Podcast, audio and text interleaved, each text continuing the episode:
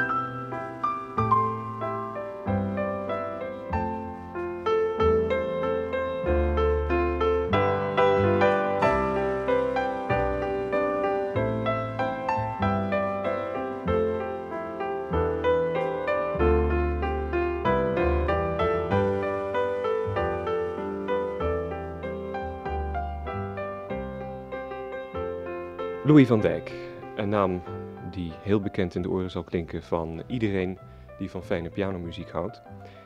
De muziek die jij maakt, Louis, heb jij daar een benaming voor? Het is geen jazz, hè? het is ook geen pop. Wat, wat voor muziek maak jij? Uh, ik maak op mijn manier uh, mijn muziek. En mijn muziek is een, een soort vermenging van alle invloeden die mij boeien. En uh, de belangrijkste invloeden zijn ritmiek en uh, de swing uit de jazzmuziek. En uh, harmonisch ben ik het meest geboeid door de, de late Duitse romantiek en de harmonie van, van Ravel als uh, aanvullende tegenhanger, zou je eigenlijk moeten zeggen. Uh, maar wat mij het, het meest boeit en nog steeds, en ik vraag me af of dat eeuwigdurend is, of dat het op een gegeven moment misschien gaat vervelen, maar nog steeds ben ik ongelooflijk geboeid door wat uh, Richard Strauss en, en, en Wagner want daar heeft Richard het natuurlijk van. Wat die doen, als ik uh, naar de, de, de metamorfose luister van Richard Strauss, een van zijn laatste stukken voor strijkorkest. Ik kan het overigens iedereen aanraden, want het is uh, werkelijk uh, overweldigende muziek. Dan, ja, dan komt er een soort ontroering over me die, die heel apart is. En niet vergelijkbaar met de ontroering die ik heb als ik naar Bach luister. Want dat is misschien wel de voornaamste voedingsbodem van mijn muziek.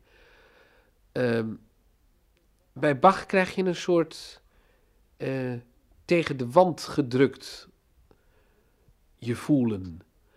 Door de verpletterendheid van de totaalheid van zijn talent. Iemand die met twee voeten in de aarde staat en tegelijkertijd toch met zijn handen in de hemel kan graaien.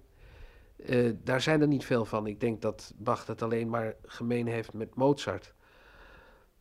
Uh, maar bij Richard Strauss komt de ontroering van uh, het besef dat er iemand bezig is met dingen die al voorbij zijn. En dat boeit me in hevige mate. En eh, ik denk dat het daarom, daarom mij ook zo ontroert.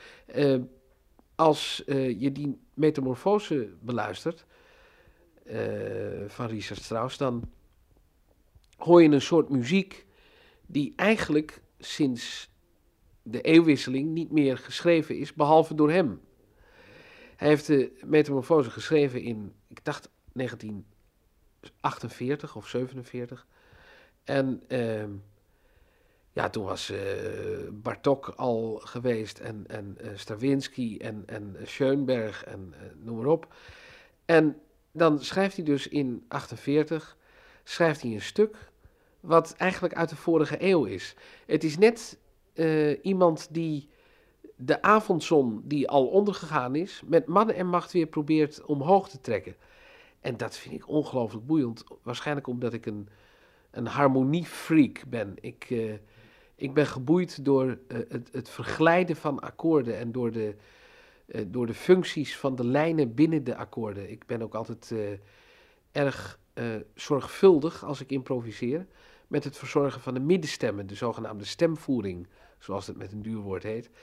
En dat ja, dat heeft me altijd geboeid en dat heeft me ook vaak geïrriteerd bij een hele hoop jazzpianisten en überhaupt jazzmuzikanten en arrangeurs, die vaak ongelooflijk virtuoos schrijven of spelen binnen dat jazz-idioom, maar die over het algemeen heel slordig omspringen met uh, het verglijden en het verloop van de middenstemmen.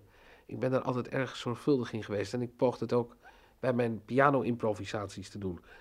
Maar om de vraag uh, en het antwoord daarop af te ronden. Uh, ik ben eerlijk gezegd als een kind zo blij dat ik uh, nog uh, door de klassieke recensenten, nog door de jazzrecensenten, nog door de cabaretrecensenten, oh, zo die er al mogen wezen. door, ik, ben, ik ben niet te plaatsen in een, in een hok. En dat uh, doet me ongelooflijk veel deugd. En dat, dat wil ik ook zo houden. Ik ben wat dat betreft heel individualistisch. Ik, het enige wat, wat ik eigenlijk belangrijk vind. En niet in die zin dat ik heb nagejaagd, maar ik ben blij dat het gebeurd is. Want zoiets kan ook alleen maar vanzelf gebeuren. Het enige wat ik belangrijk vind, is dat, dat ik een herkenbaar geluid heb. Uh, dat, dat dus als ik uh, drie maanden heb gespeeld van wat ik ook doe, de mensen onmiddellijk denken van, nou dat, dat moet Van Dijk wezen. Dat, dat, is, dat is heel plezierig om dat nu te hebben. Um, ja, het, compleet zijn en, en je laten voeden door ongelooflijk veel dingen. Dat, dat, dat vind ik boeiend. Toch, dat vinden van dat eigen geluid, hè, waar je het nu over hebt, dat is ook niet iets wat alleen maar vanuit jouw muzikale kennis of belangstelling voor de diverse componisten voortgevloeid is. Want ja, ik denk op een gegeven moment, uh, als je verder wilt in dit vak, dan komt er zoiets om de hoek kijken als een plaat gaan maken. Dan heb je te maken met producers en met hun meningen ook.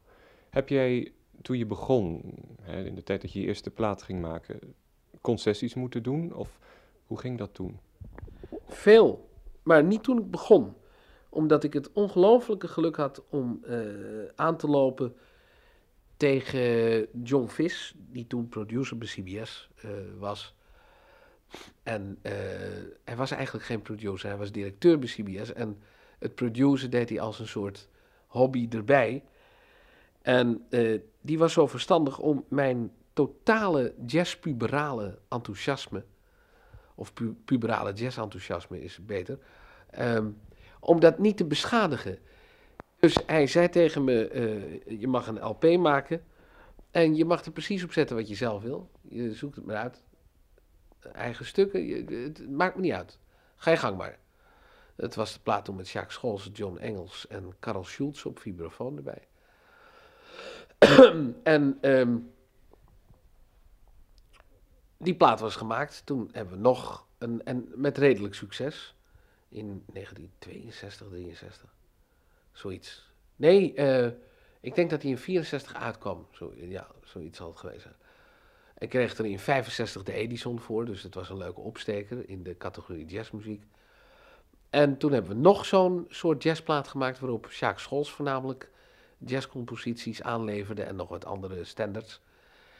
Uh, maar al heel voorzichtig had John Fish toch zijn stempel een beetje gedrukt. Want bij die eerste plaat, waarop ik dus echt mocht zetten wat ik wilde, zei hij: Maar doe mij nou één plezier. En zet er één stukje op wat ik leuk vind. Dat was Blue Set van Toet Stielemans.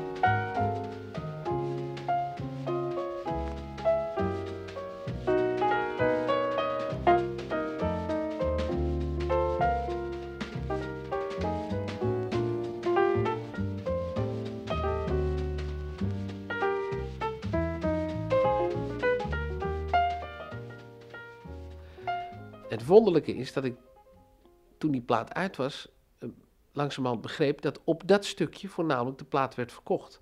Toen dacht ik, die man die weet. Die weet meer als hij uh, duidelijk laat merken nog. En bij de derde plaat zei hij tegen me, als uh, je nou in een platenwinkel staat, hè? als je nou in een platenwinkel staat, zo, zo, klinkt hij een beetje. En je staat voor de platenbakken, hè? Lou, je staat voor die platenbak, stel je dat is goed voor. En je ziet links een plaat van een jonge Nederlandse jazzpianist. En je ziet, uh, en die speelt een beetje als Oscar Peterson, heel, heel virtuoos met veel noten. En er staat in de rechterbak staat een plaat van Oscar Peterson zelf. Welke plaat zou je dan pakken? Nou, die van Peterson roep ik dus. Juist, daar heb ik je. Zou je niet eens proberen om een om een plaat te maken met een geluid wat niet van Oscar Peterson is, maar uh, waarop je probeert datgene te doen wat je zelf heel mooi kan. Uh, en uh, dat mag best een beetje naar de mensen toe. Hij begon dus heel voorzichtig dat omvormingsproces, althans wat de plaat betreft, want daar, gaat het, daar ging het op dat moment over. Dat was ook heel wijs. En, maar ik was heftig van mijn geloof gestort.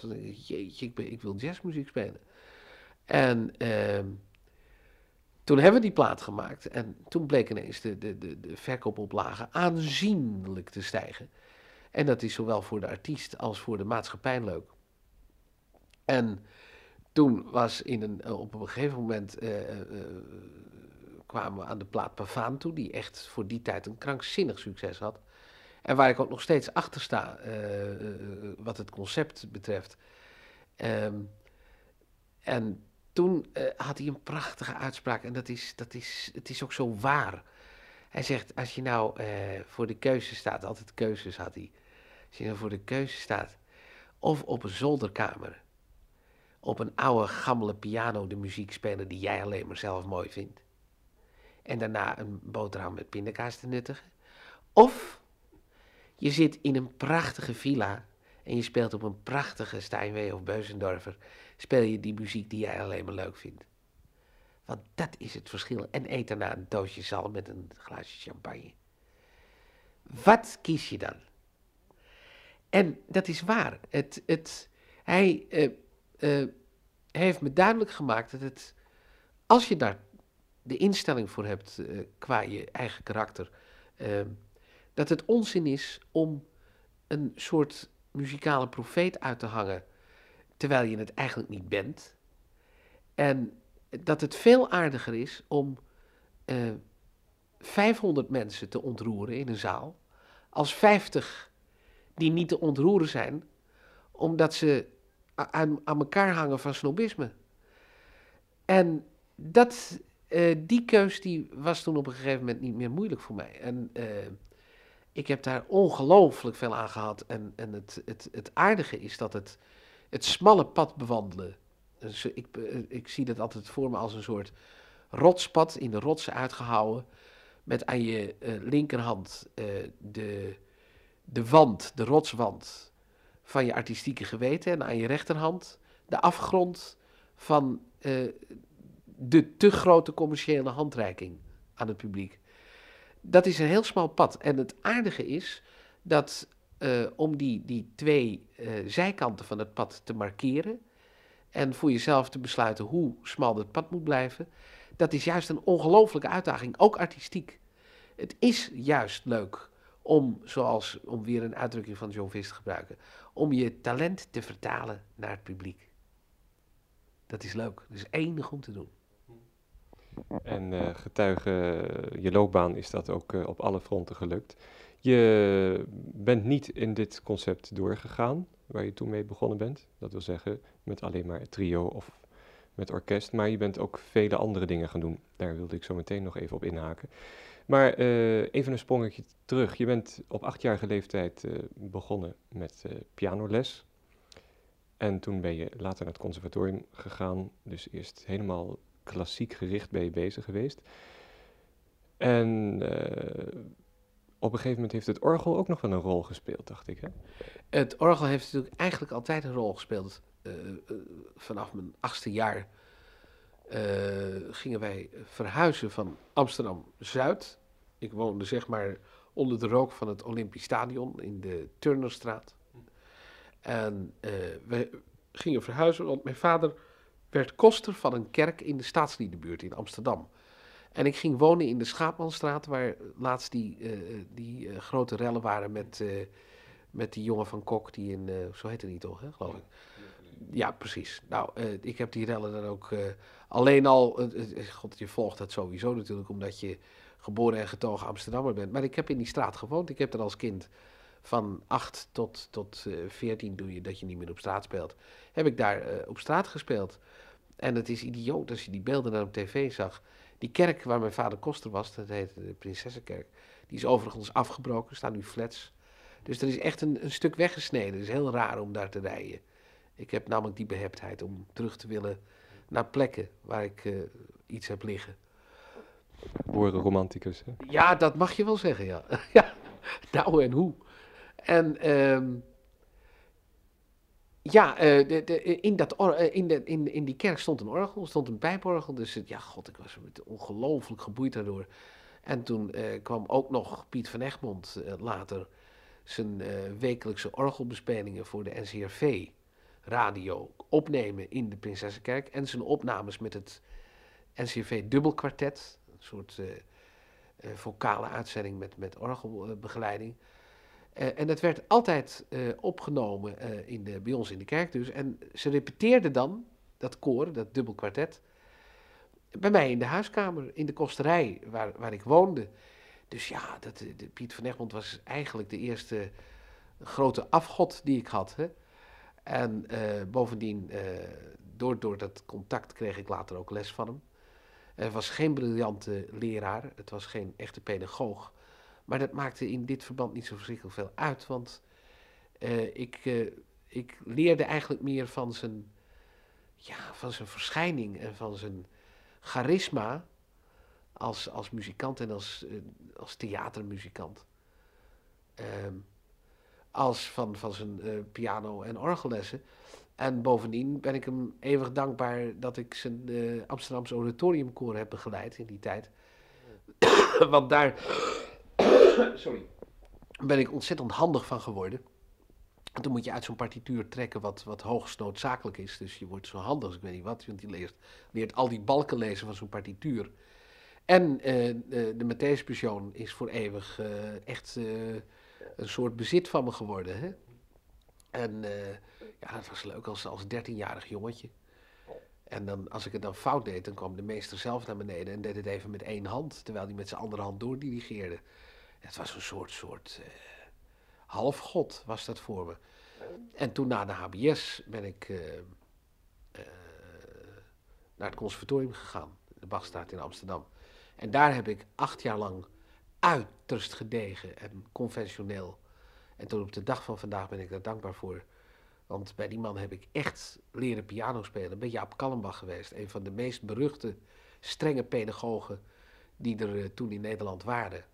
Waar alle probleemgevallen in ieder geval, als je ze al accepteerde, naartoe gingen. En eh, ik was er zo een. Ik, eh, ik speelde al jazzmuziek en eh, studeerde bijna nooit. En had van vijf verschillende leraren les gehad, waaronder Van Egmond. Dus daar was, ik kwam met een ratje toe op het conservatorium. Mijn toelatingsexamen, kan me nog goed herinneren, was ook bepaald niet glorieus. Althans, wat het vertolken van klassieke stukjes betreft. En op een gegeven moment riep er een, hij schijnt leuk te kunnen improviseren. En dat mocht ik toen even. En eh, ja, toen, eh, toen zagen ze dus dat, dat ik muzikaal was eigenlijk. En ehm, eh, ja, toen werd ik dus ingedeeld bij de Jaap Kallenbach. En daar heb ik acht jaar lang voortreffelijk les van gehad. Groot pedagoog. En tijdens die conservatoriumstudio, eh, studie ben ik al verder gegaan met het ontwikkelen van, die, van, die, van het jazzspel. En het heeft eigenlijk naast elkaar heeft dat voortgeduurd. Totdat ik in, ik geloof 66, mijn eindexamen, ja dat was 66. Mijn eindexamen conservatorium deed, het, einddiploma, het solistendiploma. En toen eh, dook ik voornamelijk met Ramses en Lisbeth in het eh Shaffi eh chantate programma Het Land in. En dat had ik ook al trouwens tijdens mijn eindstudie op het conservatorium gedaan. Kun je nagaan hoe een turbulente periode dat was. Want ik, eh, ik dronk als een idioot met de muzikanten en met Ramses mee. En zat toch overdag te studeren voor mijn einddiploma. En het was een hele turbulente, met, eigenlijk veel te kort slaap, hard werken, veel zuipen. En alles ging goed. Het, einddiploma was fantastisch. Alles was perfect. En toen, ik kan me nog goed herinneren, vlak eigenlijk na de verhuizing naar Brabant, waar ik drie jaar heb gewoond. In Berlicum, vlakbij Sertogenbos. Toen klapte ik in elkaar. Op een gegeven moment komt de klap. En eh, ik was 29 toen. Raakte echt ernstig overspannen. Valium, slaappillen.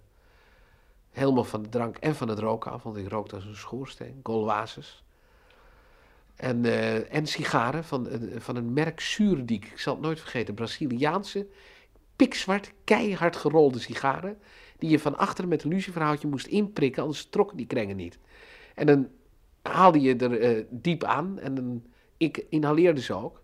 En dan kwam er zo'n, eh, na een lange tijd kwam er zo'n diepe, donkerblauwe, heilloze damp kwam er uit je longen weer terug. En dan, na zo'n sigaar, dan stak je weer een golwaas op en dan smaakte zo'n golwaas zo lekker licht. kan je nagaan hoe ver ik heen was. Nou, en toen, toen klapte ik echt volledig in elkaar. Toen heb ik het een jaar rustig aangedaan. En vanaf dat moment nooit meer gerookt. Echt van de een op de andere dag opgehouden. En nooit meer eh, eh, echt sterke drank gedronken. De, de hard liquors, hè. Dus nooit meer eh, whisky, cognac, soms een cognacje na het eten. Maar vroeger was het echt een halve fles op een avond als het moest met een vriend. En nou, dat heb ik toen afgezworen. En sindsdien eh, rook ik nog steeds niet en eh, ben buitengewoon in balans. Heb nooit meer ergens last mee. En drink als, als echt, echt een grote liefhebber eh, wijn. Echt verslingerd aan wijn en eh, heb daar totaal geen last van. Ik kan het heel goed hanteren, kan het ook goed doseren. En ja, dat is, dat is een echte vreugde, moet ik zeggen. Die liefde voor wijn is zo groot dat ik ook als mensen mij wagen een wijnkenner te noemen, onmiddellijk roep. Dat, dat is onmogelijk, daar is het te complex voor. Ik ben blij dat ik er een beetje eh, analyserend van kan genieten, maar verder kom ik niet meer. Dan, Echt een finoloog ben je nog niet. Nee, dat is, dat is echt. eh, het, het is ook een vreugde om met. eh, dat doen we af en toe wel eens. om met Hubrecht Duiker samen te, te eten. En die legt dan precies uit wat er allemaal gebeurt. Zijn vrouw heeft namelijk ooit samengewerkt met mijn vrouw. op het kantoor van Time Life in Amsterdam. Ver terug in onze jeugd. Die waren. Als ik het zo hoor, ben je wel een echte Bourgondier, hè? Dat mag je wel zeggen. Maar ik denk dat echte Bourgondiërs ook eh, eh, zeer dicht bij de echte romantiek eh, van, het, van het leven zitten. Ik denk dat als je in een situatie geplaatst wordt in deze wereld, God zij geloofd en geprezen, die, waarin je, je echt het leven glanzend kan permitteren en je doet dat niet, ben je doodschoppen niet waard. Of je moet roepen van, dit is te gek. Dat het mij overkomt en twee derde van de wereld niet. Dan kun je roepen, maar eh, dan denk ik, als dat je wezenlijk eh, eh, gaat irriteren, dan zul je weg moeten en dan moet je daar naartoe en dan moet je voor die mensen gaan spelen. Dat zou ik dus moeten kunnen doen. Of uh, aanleggen, want dat kun je altijd nog doen. Maar als je hier leeft en werkt, uh, denk ik dat je van je eigen leven en van je gezin en van je directe omgeving moet genieten, zodat die mensen ook van jou genieten. Um, zoals ik uh, daarnet al zei, uh, wilde ik nog even ingaan op alle andere activiteiten die je in de afgelopen decennia, mag ik eigenlijk wel zeggen, gepleegd hebt. Behalve het werken met het trio heb je platen gemaakt met Rogier van Otterlo, met het orkest. Je hebt gewerkt met Thijs van Lier, nou ja, met zoveel mensen. Um, is er op een gegeven moment een punt gekomen waarvan je kunt zeggen: hé, hey, dat was toch een soort omwenteling. Toen ging ik een heel nieuwe koers varen. Dat gaf verfrissende ideeën. de, omwenteling, de eerste belangrijke omwenteling, heb ik eigenlijk al verteld, was natuurlijk het moment waarop ik overspannen raakte. En, en uh, uh, vanaf dat moment ook duidelijk begreep dat ik wilde ik verder doorleven in, in een bepaalde harmonie met mezelf. Uh, en dat is het eerste vereist, anders kun je natuurlijk nooit improviseren. Want improviseren is niets meer en niets minder dan hetgene wat er binnenin je leeft. Naar buiten gooien. En voordat je dat doet, zul je goed moeten weten wat er binnenin je leeft. Dus je bent eigenlijk voortdurend bezig. Eigenlijk vanaf mijn 29ste pas, daarvoor werd je geleefd. Maar vanaf het moment dat je bewuster gaat denken en leven, merk je dat hetgene wat je naar buiten gooit, dan moet je, moet je toch wel eerst weten inderdaad wat er van binnen zit. Dus je bent voortdurend met zelfanalyse bezig. En eh, omdat ik toch al bol sta van de zelfrelativering, ook een typisch Nederlandse eigenschap, waardoor je altijd denkt van doe maar gewoon, doe je gek genoeg. Uh, ja, uh, was ik nooit zo zelfbewust. En dat kwam toen een beetje. En door dat studeren kwam ik weer terug een beetje naar de klassieke muziek ook. En op een gegeven moment nam ook duidelijk de belangstelling voor jazzmuziek en die was al heel klein, nam ziende ogen af, werkelijk was met de Beatles begonnen. En terecht, want dat vind ik nog steeds een ongelooflijke groep. En zeker Paul McCartney, een ongelooflijke talent. En, um, Als ik daar even op door mag ja. gaan. Je hebt ook een, in, vroeger een vrij opzienbarende plaat gemaakt. Tenminste, ik vond het zelf opzienbarend. Je hebt het namelijk als enige gewaagd om Lennon en McCartney te vertalen naar het orgel. Hè? Dat is ja, ook wel heel apart. Dat was een, uh, een grap die John Viss en ik samen hadden bedacht. Omdat John uh, en eens op een gegeven moment zei... ja, die, die muziek van Paul McCartney... die heeft toch ongelooflijk, en daar had hij gelijk in... ongelooflijk veel raakvlakken... met uh, de Engelse kerkmuziek. De Engelse anthems, de, die, die hymns en zo. En dat is ook zo. en ook de Engelse volksmuziek. En laten we het gewoon eens op een orgeltje doen. En zonder enige voorbereiding ben ik toen twee nachten op het orgel van de hervormde kerk in Loenen gaan zitten. Alleen maar met die themaatjes voor me. En verder werkelijk uit de losse hand gerommeld. En tot onze grote verbazing werden daar inderdaad aanzienlijk uh, tienduizenden platen meer van verkocht dan we ooit hadden gedacht. En hij zit nog steeds in de catalogus bij CBS. Welk thema van die plaat vond je zelf het uh, best geslaagd? Uh, dat weet ik eigenlijk niet meer. De opening, geloof ik, van een van de kanten vond ik wel uh, boeiend. Ta da da da da, tu di, tu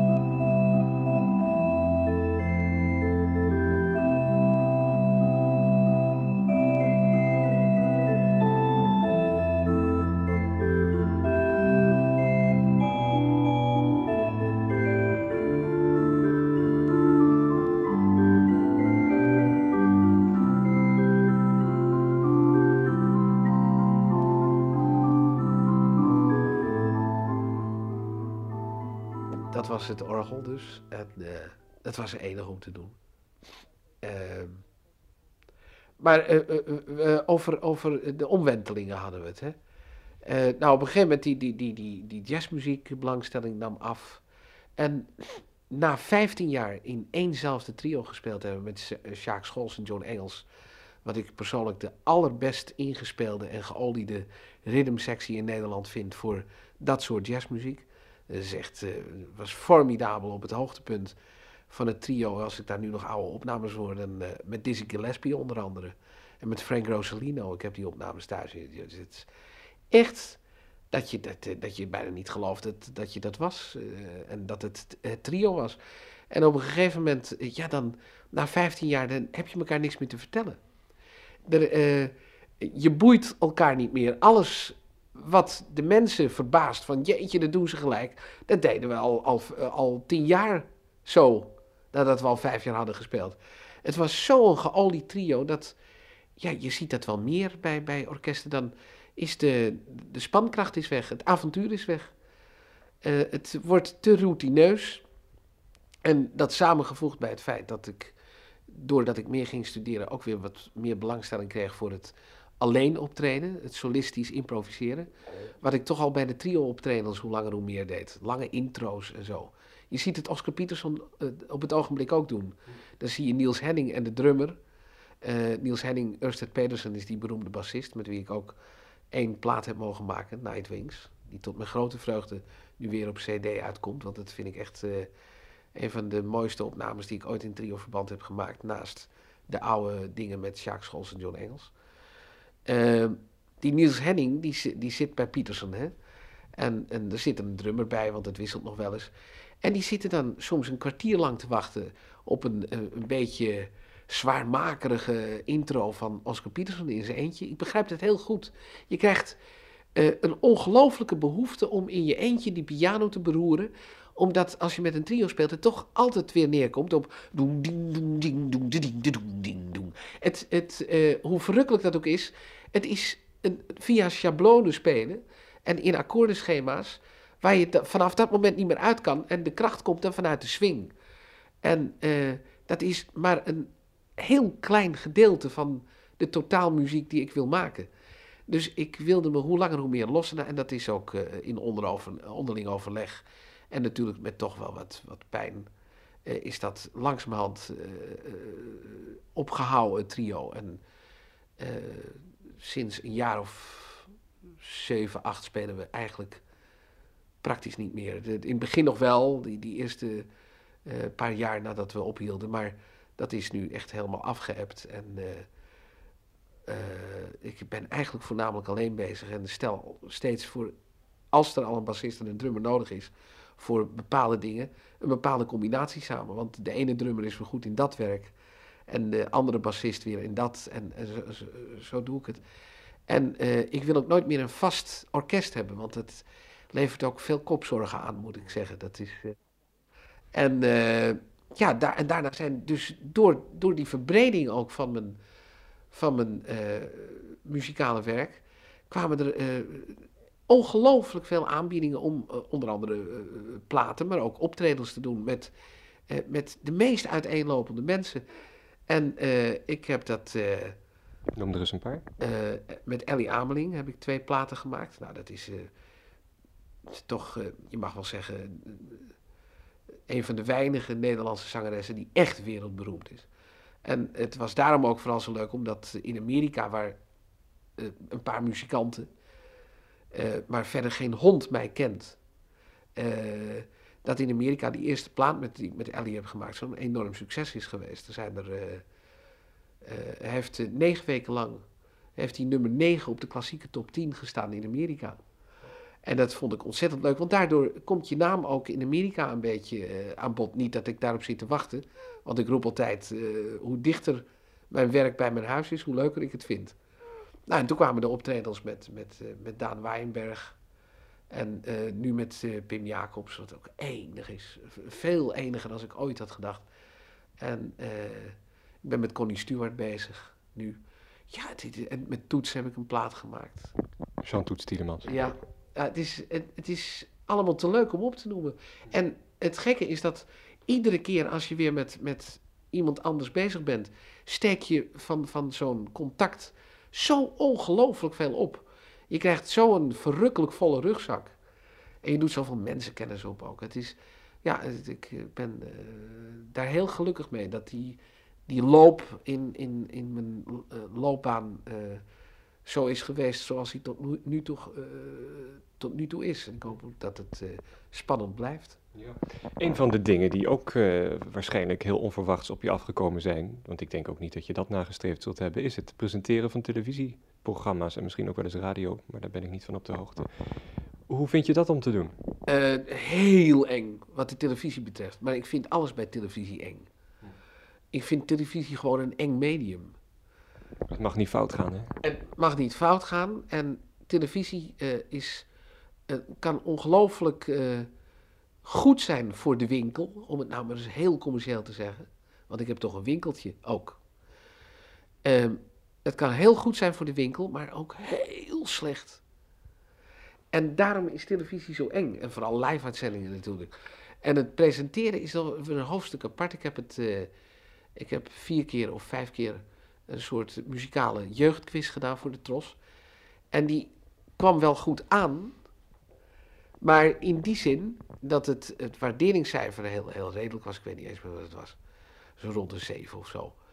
En, uh, maar het, uh, het, het, het, de kijkcijfers, dus de, de kwantiteit, was zo bedroevend laag. En dat kan allerlei redenen hebben. Maar ik denk dat de belangrijkste reden inderdaad is zodra het inderdaad iets dieper gaat. Als een spelletje waarbij je een auto kan winnen. En waar een of andere dwarrelende. Uh, uh, uh, boven zichzelf, boven de massa uittillende. We zullen geen namen noemen. Presentator heen en weer gaat. Ja. De, ja, als het, dat niet, als het niet dieper dan dat gaat, dan, dan, uh, dan loopt de, de kwantiteit van, van de kijkers loopt krankzinnig terug. En daarom is het wel verheugend, want misschien is er toch een lichte vermoeidheid gaande bij het Nederlandse publiek van al dat soort programma's. Dat het programma in 80 dagen de, de wereld rond, wat, wat Pim presenteert, en wat hij naar mijn smaak uitstekend presenteert, uh, dat, uh, dat krijgt hoe langer hoe grotere kijkdichtheid voor een huismus als jij bent, is het nou eigenlijk niet gruwelijk om eh, eigenlijk maar voortdurend op pad te zijn, in hotels te zitten, van huis, van je gezin, weg van je, ja, je fijne verblijfplaats die je hebt? Ja, dat, dat is ook zo. Maar uh, aan de andere kant uh, heeft het ook, mits je dat leuk invult. Het, ja, ik, ik ben dus, zoals gezegd, een, een door de wol geverfde Bourgondier. Dus ik deel dat soort dagen van tevoren ook in. Ik bespreek voor, als ik zit nu uh, drie dagen in Den Haag. En uh, dan bekijk ik van tevoren al waar ik ga eten na afloop van de voorstelling. Dat gaan we nu, uh, meestal doe ik het thuis al, maar daar ben ik nu niet aan toegekomen. Maar nu gaan we dus vandaag, de rest van de middag, gaan we besteden aan het uitzoeken van een restaurant waar ik om half elf na de voorstelling met Connie Stewart in de Koninklijke Schouwburg hier waar ik nog kan eten. En dan leef je ook de hele dag, zo'n voorstelling is natuurlijk enig om te doen. Maar je leeft bijna nog meer toe naar de ontspanning die je al voelt aankomen. En dat je ook al weer, uh, weer die, die, die verwachting hebt van, oh ja, dan ga ik daar naartoe, dan zit je zo gezellig. En uh, dan hebben ze zulke leuke Italiaanse wijnen, ik noem dan maar wat. En uh, ja, je moet, je moet je leven voortdurend stofferen. Dat is leuk om te doen. En daardoor blijf je een gelukkig mens en kun je je omgeving gelukkig maken. Ik geloof dat ik zelden een interview heb gehad met zo'n levensgenieter als jij bent. ja, dat is bijna walgelijk. dat laten we aan het oordeel van de luisteraars over. Ik wil het hier heel graag mee besluiten. Doe je nog heel veel plezier in je werk en plezier in het leven. Dankjewel, hetzelfde.